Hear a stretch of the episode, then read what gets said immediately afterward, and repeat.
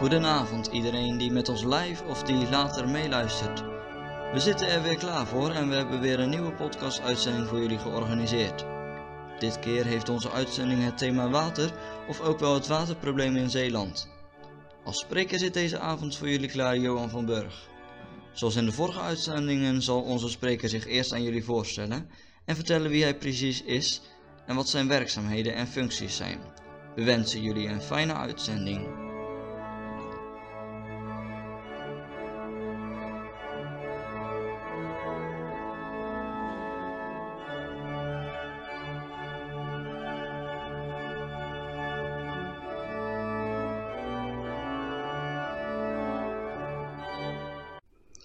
Goedenavond meneer eh, Van Burg. Welkom uh, nogmaals in onze uitzending. Onze eerste vraag is, kunt u wat meer over uzelf vertellen en waar u precies vandaan komt en wie u bent? Zeker. Nou, fijn dat ik hier uh, wat meer over de provincie en over mezelf en over de SGP mag vertellen. En zeker over uh, Schouwen-Duiveland. Um, zelf ben ik Johan van Burg, 39 jaar. Ik kom uit Terneuzen. Ik uh, heb jaren in Axel gewoond, ook in Zeeuws-Vlaanderen. En woon nu alweer een jaar of tien in Terneuzen. Ik ben daar ook uh, ik ben opgegroeid op Spui, een klein gehuchtje, ook in Zeeuws-Vlaanderen. Um, in het dagelijks leven werk ik bij een bouwbedrijf, ben ik bedrijfsleider en ook vooral in de regio Zeeland actief. En uh, nou ja, dat is wat ik in het dagelijks leven doe. En bij de provincie, wat ik daar doe. Dat is denk ik de volgende vraag die je gaat stellen. Nou, ja, klopt. Is... Ja, ja, wat uw werkzaamheden zijn binnen onze provincie. Uh, wat, uh, wat doet u daar allemaal? Ja, ik ben uh, momenteel fractievoorzitter van de SGP Statenfractie. We zijn met vijf statenleden, waarvan ik er dus één ben. En um, hiervoor ben ik drie perioden statenlid geweest. Dan was er een andere fractievoorzitter. Dus dit is mijn dertiende jaar in principe. En ja, het is ongeveer één dag in de week. Op vrijdag is het vaak provinciedag en bij overdag daarvoor bezig. En uh, de rest is s avonds en een keer eind van de middag. Ja, ik denk gemiddeld zo'n uh, 15 à 20 uur in de week uh, ben je hiermee actief. Dat is dan nog heel wat uurtjes zomaar dat u daarmee bezig bent.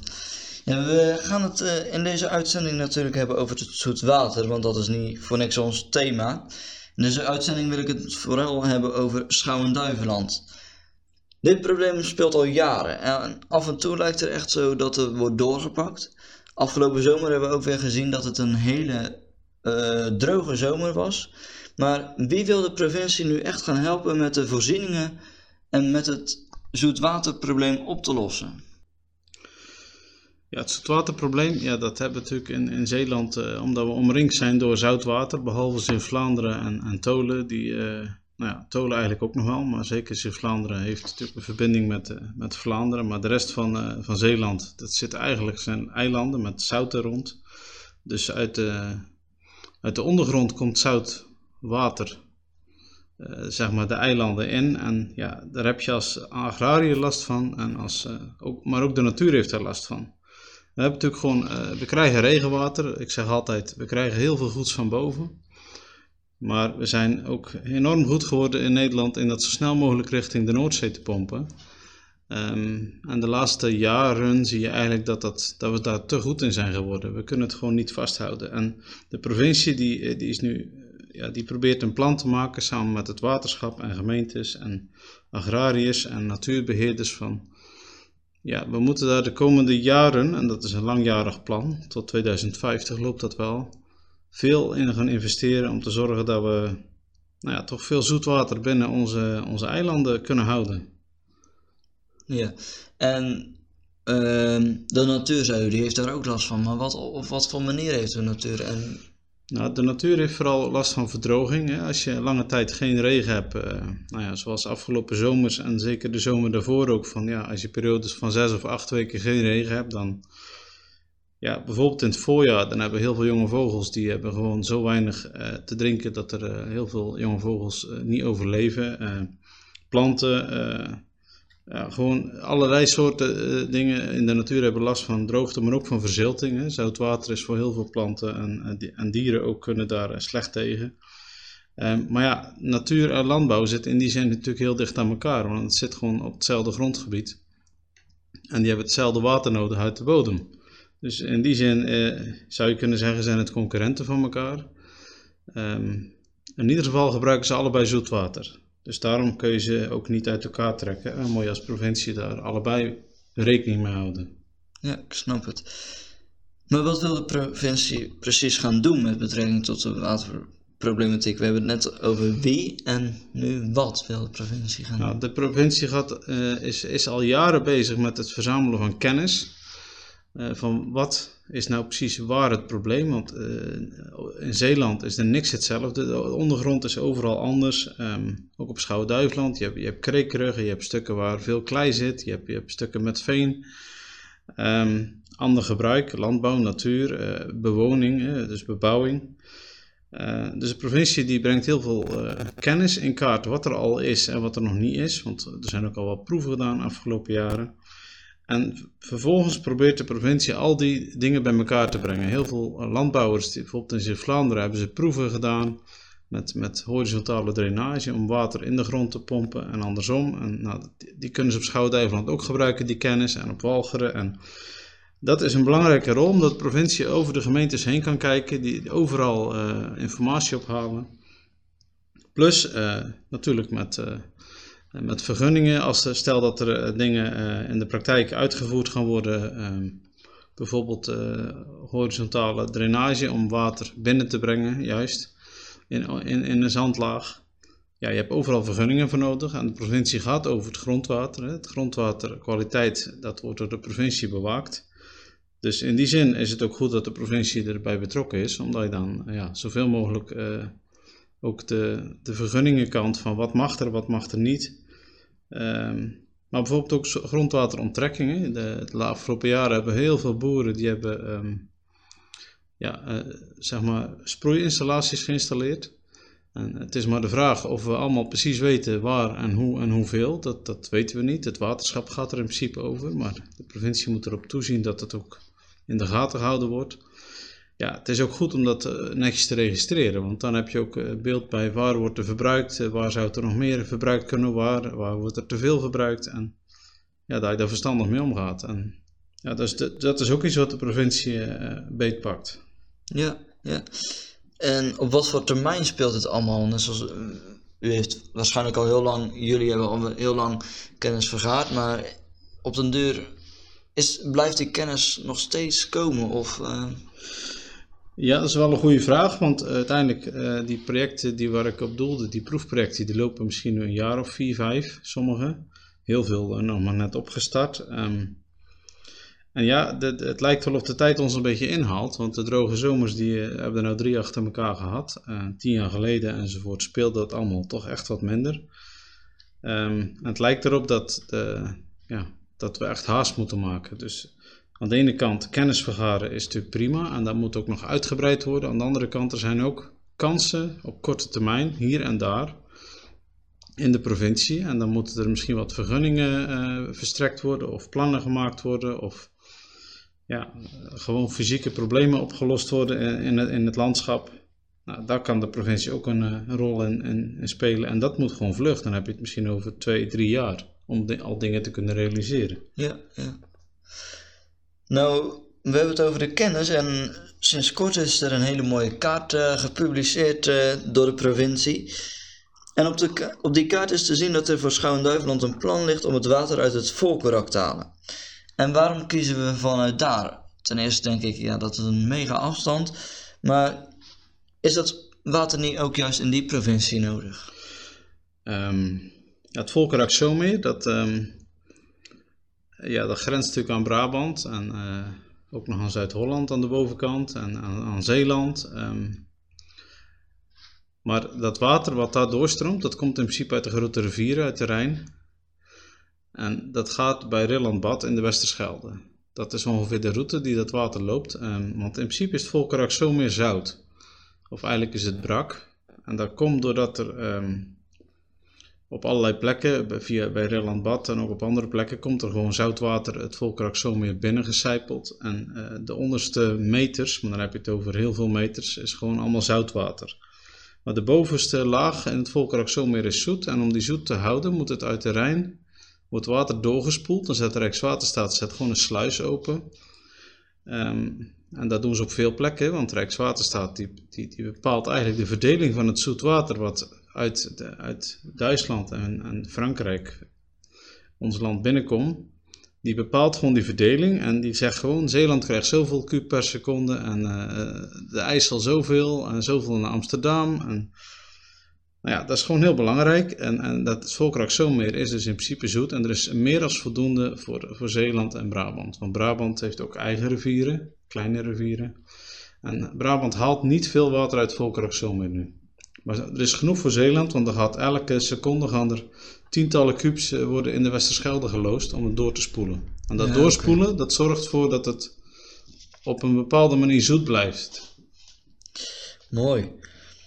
Toen ik deze uitzending aan het voorbereiden was, heb ik ook nog eens even gekeken op de website van Evidus. Dat kunnen jullie ook allemaal doen op het Evidus waterbedrijf. Je kunt daar heel goed zien wat er precies per dag aan drinkwater door hen uitgeleverd wordt. Ik heb eens even toen die warme dagen door zitten kijken en logisch dat er toen meer uh, water gebruikt wordt dan op dit moment. Maar als je jaren terugkijkt, dan wordt er ook op dat, uh, worden er ook steeds meer water gepakt van dat waterbedrijf. En we vinden het natuurlijk ook allemaal fijn om in de zomer verkoeling te krijgen. Maar ik dacht, we pakken nu allemaal water van het waterbedrijf. En kunnen we nu niet beter zelf water op gaan vangen of er zelf op een efficiëntere manier mee omgaan? Is dat, is dat haalbaar voor huishoudens? Uh, ja, kijk, dit is natuurlijk supergoed die vraag, want het, het geeft aan dat je in ieder geval zelf bewust bent dat we in Nederland in een unieke situatie zitten, dat we zoveel zoet water goedkoop hebben. Het, het zoete water uit de kraan kost in Nederland echt bijna niks. Moet je in het buitenland komen, dan moet je het allemaal per fles kopen. Uh, of het is gewoon bijna niet te drinken. Uh, maar in Nederland is, is, is zoetwater 1 uit de, de kraan is en van hele goede kwaliteit. En het is echt bijna gratis. Maar dat is, ook het, dat is tegelijk ook een beetje een probleem. Want doordat het zo goedkoop is, hebben, gebruiken we het voor van alles. We gebruiken echt voor alles gewoon drinkwater. Auto's wassen, uh, onder de douche staan, de, de wc doorspoelen. Want er zijn heel veel dingen, dat hoeft helemaal niet met, met drinkwater. De wc doorspoelen kan prima, maar regenwater. Je zou zelf ook kunnen douchen met regenwater. Het is, regenwater is het schoonste water wat er is. Um, je auto wassen, ja, dat is natuurlijk onzin eigenlijk om dan maar regenwater te doen. Je, je planten water geven, eh, ja, je, je kan het zo gek niet verzinnen, maar het kan allemaal maar regenwater. Dus ja, ik vind het een hele goede manier om, om tenminste, ja, de vraag is gewoon, is natuurlijk heel goed. Want als je kijkt dat we per persoon in Nederland per dag 40 liter drinkwater gebruiken, ongeveer, dat is een gemiddelde. En je weet dat er 17 miljoen mensen wonen. Nou, 17 miljoen maal 40 is echt een onvoorstelbare hoeveelheid water die we elke dag allemaal gemiddeld gezien gebruiken. Nou, dat kan. Dat kan heel anders. Alleen, ja, doordat het zo goedkoop is, eh, wordt daar zelden al heel actief iets mee gedaan. Ja, op welke, heeft u een idee op welke manier zouden we dat kunnen doen? Moeten alle buitenkrantjes van de huizen af? Of, uh... Nou ja, dat hoeft niet per se, maar um, kijk, de, de, prijs van water verhogen, is, dat zou kunnen, maar goed, dat, dat, dan moet je wel heel veel doen, wil, willen mensen er echt op reageren. Uh, is denk ik ook niet nodig. Het is gewoon een voorrecht in Nederland dat we dat hebben. Aan de andere kant, je zou bijvoorbeeld uh, kunnen verplichten voor nieuwbouwhuizen, maar ook nieuwbouwkantoren, dat je een deel van je regenwater, wat, wat gewoon op je dak valt, dat je dat opvangt. Kijk, en dat moet je niet doen voor bestaande huizen. Tenminste, dat zou kunnen, maar dat zou ik zeker niet verplichten. Maar voor nieuwbouw kan het wel. En ja, het is vrij simpel te doen. Ik, heb het, ik werk zelf in de bouw. Ik heb het ook al eens eh, bij klanten gedaan. Die dan gewoon vragen van kun je, die, kun je die voorziening gelijk vanaf het begin af aan meenemen in ons kantoorpand? Ja, natuurlijk kan dat. De, de regenton, die vroeger iedereen had, en, eh, en die inmiddels bijna, ja, het is bijna hip dat je er nou in hebt, maar ja, uh, 100 jaar geleden stond die gewoon zo ongeveer overal. Zeker op platteland of in, in, in, de provincie Zeeland was dat gewoon heel, heel gebruikelijk. Ja, dat is natuurlijk ook heel simpel. En daar kun je in principe bij nieuwbouwprojecten zou je zo'n verplichting op kunnen nemen. En als je dat in het bouwbesluit regelt, dan is het voor iedereen hetzelfde. Dus dan is het ook niet kostenverhogend in de ene gemeente en in de andere gemeente waar het niet hoeft, zou het dan niet moeten. Dan moet je het wel overal doen. Ja, en waarom niet? Maar ja, dat moet dan wel even centraal landelijk geregeld worden. Ja, het liefste. Ja, ja, Dan komen we eigenlijk gelijk een beetje bij de tweede vraag. Is het dan geen idee om bijvoorbeeld voorlichting te geven. Ja, ik gebruik nu even scholen, maar ook op andere plekken bijvoorbeeld. Ehm, Ja, om hoe we beter om kunnen gaan met water. Eh, Omdat we SGP-jongeren zijn, betrek ik de scholen erbij. Want misschien kunnen jongeren daar ook wel heel veel voor doen. Oké, misschien heeft u daar meer over te zeggen. Eh, ja, kijk, bewustwording. Ik denk dat dat inderdaad een, uh, een goede is. Ehm, ik weet eerlijk gezegd niet hoe dat op scholen gebeurt. Ik weet toen ik vroeger op de basisschool zat, daar kwam er iemand van het waterschap langs en die had een boekje bij van Droppie Water heette dat. En dan kreeg je zo'n stripboekje en dan, dan, leerde je dat alles wat door de wc ging, dat dat uiteindelijk via rioolwaterzuivering toch weer schoongemaakt werd. En dan had je tenminste een idee van ja, je moet niet allerlei troep in de wc gooien, want ja, dat, dat vond Droppie Water niet fijn. En, maar ja, dan krijg je wel een beetje beeld van ja, wat gebeurt er nou eigenlijk? Maar dat geldt voor regenwater misschien wel hetzelfde. Dat je ja, ik denk dat het. Als je, als je het van kind af aan leert, dan vind je, dan vind je het normaal. Hè? Dus bij heel veel dingen. Iets waar je jong leert, dan, dan kijk je niet raar meer van op. Ik denk dat dat een heel goed idee is. Ik weet niet of het al gebeurt. Uh... Ja, wat ik wel weet, eh, mijn broertje kwam bijvoorbeeld een keer thuis met een uh, foldertje van ook weer Efides om daar weer op terug te komen. Dan waren ze dan wel geweest, maar uh, ze, ze gaven uitleg, maar wat nu speelt, is mensen willen dingen doen. Ja, ja. En dat mork ik dat dat te weinig in die voorlichting werd gegeven. Misschien is het juist een idee om meer te gaan doen, maar dat zou je bijvoorbeeld, ja... Nou ja, kijk, dat, dat, je ziet wel dat bijvoorbeeld sommige gemeentes die hebben een campagne opgezet om uh, dat je gratis een regenton kan ophalen of, of voor een laag bedrag. En dat je dus op je regenpijp een regenton kan zetten. Ja, eh, het zou natuurlijk mooi zijn, het zou natuurlijk helemaal mooi zijn als je op een school een actie zou doen, dat elk kind zo'n bon meekrijgt en uh, thuis uh, net zo lang zeurt totdat het geregeld is. Nou ja, dat... Ja, ja maar bewustwording, ja, het is het belangrijkste wat, wat je kan doen. Hè? Ja, klopt. We hebben het nu best veel over huishoudens gehad, maar als we nu eens naar bedrijven gaan kijken. U heeft het er net al een klein beetje over gehad en over gezegd. Kunnen hun wat betekenen om beter met het watertekort om te gaan? En op wat voor manier zouden ze dat kunnen doen?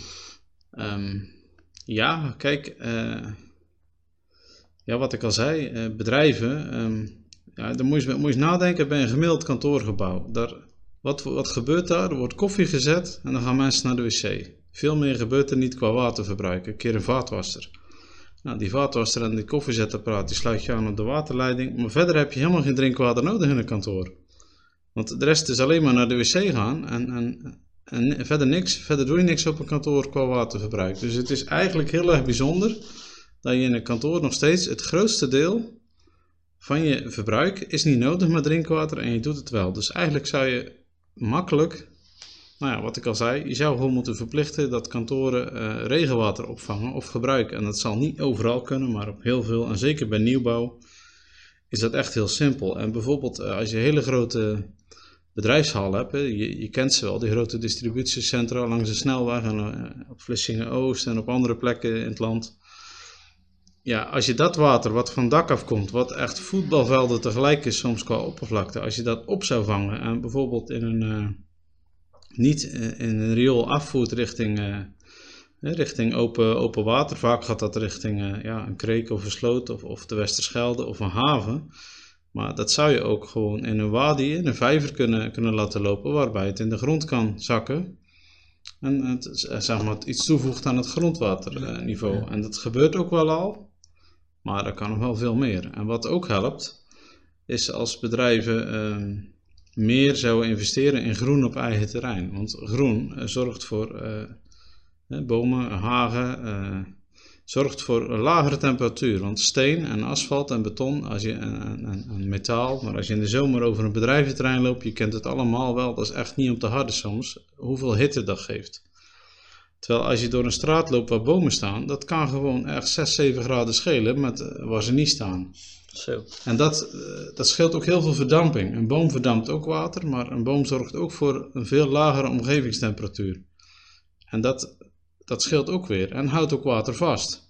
Ja, dus ja. met zijn wortels, het, het heeft allemaal. Uh, een bos zie je van. Een, nou, je weet het als je in de zomer in een bos loopt. Het verschil is natuurlijk enorm. Nou is een bedrijventerrein geen bos, maar je zou daar ook natuurlijk afspraken over kunnen maken. Als je een nieuw bedrijventerrein aanlegt, of een stukje, dat je zegt van, nou ja, zoveel procent van uh, het oppervlakte zou je gewoon groen moeten hebben. En als die eis voor iedereen hetzelfde is in een gemeente, dan is het niet zeg maar, dat je de ene bedrijf benadeelt ten opzichte van het andere. Dat moet je ook voorkomen. Als je bij het ene bedrijf de eisen hoger legt gewoon in richting als het andere, dat zou niet, ja, dat is niet juist. Maar je, is natuurlijk wel, je kan wel zeggen van oké, we gaan een, een nieuw bedrijventerrein bij een dorp of bij een stad en op dit bedrijventerrein gelden gewoon die regels. Ja, nou, dat ja. kan. En dan krijg je een meer groenere omgeving. Nou, dat helpt ook enorm tegen hitte. En hitte, nou, als het koeler is, heb je ook weer minder verdamping Ja. enzovoort. Er zijn, het heeft allemaal wel een beetje met elkaar te maken. ja. Nou, we, hebben, ja, we zijn aan het eind gekomen. Ik heb nog één vraag. We hebben veel kunnen bespreken. En u heeft ook al wat, wel wat adviezen gegeven. Maar heeft u misschien nog één advies of een heel belangrijk iets wat u de jeugd in het bijzonder zou mee willen geven of andere mensen? Ja, als je ergens gaat werken, jullie studeren allemaal nog misschien, of eh, je zit op school en, en je, moet misschien nog verder naar school, maar als je, als je ergens komt werken, en, en ook als privépersoon, eh, als je een huis koopt, eh, denk echt goed na van wat kan ik doen. Er zijn zoveel dingen zo simpel te doen met, met water. En ja, het is ook wel een beetje onze plicht om daar ehm, heel goed mee om te gaan. Ik heb het net al gezegd, het kost weinig water. Maar dat is niet waar. Het is, het is niet duur. Dat is de waarheid in Nederland. Maar het kost wel veel. Hè? Het kost gewoon heel veel. Ook van je omgeving. Het kost eh, energie om het schoon te maken. Ehm, dus als je ergens gaat werken en als de- eh, gewoon wees je bewust van wat, wat kunnen we ermee doen. En als er maar genoeg mensen doen, dan gaat er toch iets veranderen in Nederland. Ja. Ja, ja. Nou, dank u wel. Heel hoop informatie eh, in 20 minuten hebben we zomaar gekregen. We zijn aan het einde gekomen van deze uitzending. We willen u hartelijk bedanken voor uw medewerking aan deze uitzending. Maar laten we ook bovenal niet vergeten om tot onze schepper te naderen in ook deze nood, want we kunnen het ook wel zeggen dat het ook nood is. Hij heeft alles in zijn hand en alle dingen bestuurt hij. Ik wil u dat ook meegeven in uw politieke arbeid en dat we het van de Heer mogen verwachten en afhankelijk mogen zijn van Zijn hulp en Zijn kracht. We wensen iedereen nog een fijne avond toe en stel dat u of jij op een ander moment meeluistert, wensen we je nog een fijne dag.